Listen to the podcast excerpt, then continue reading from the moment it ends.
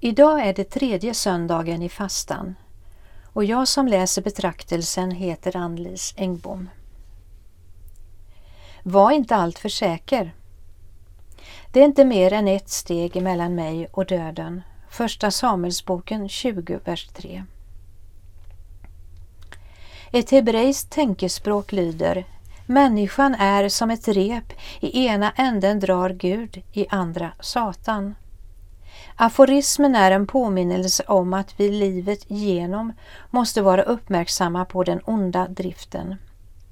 I synnerhet när den är förklädd till fromhet.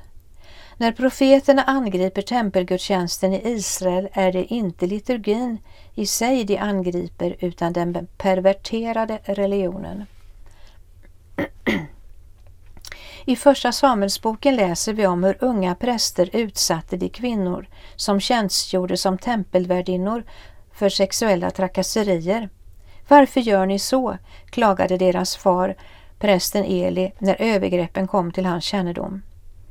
Men när de inte lyssnade till sin far lät han det hela bero. Det är denna låt gå-mentalitet som upprör Gud när han konfronterar Eli genom profeten Samuel.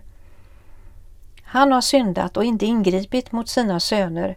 Han visste ju att de visade mig förakt.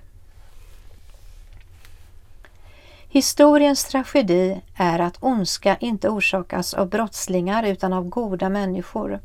Människor som saknar insikt om hur våra motiv alltid utgör en blandning av egenintresse och goda avsikter.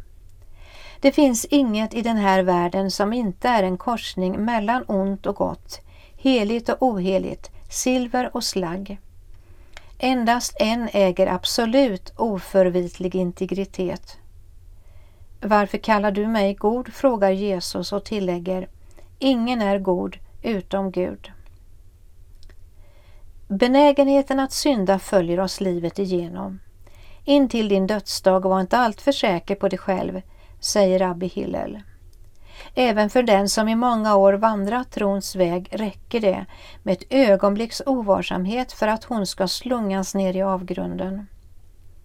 Därför är andlighet ingen lyxvara. Det är en fråga på liv och död. Ty människans grundläggande dilemma är inte ondskan utan hennes förhållande till Gud. Var gärna med mig i en bön. O Gud, du som är oförsonlig fiende till allt ont.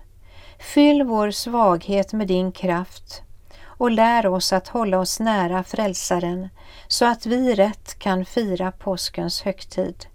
Amen. Ha en välsignad dag.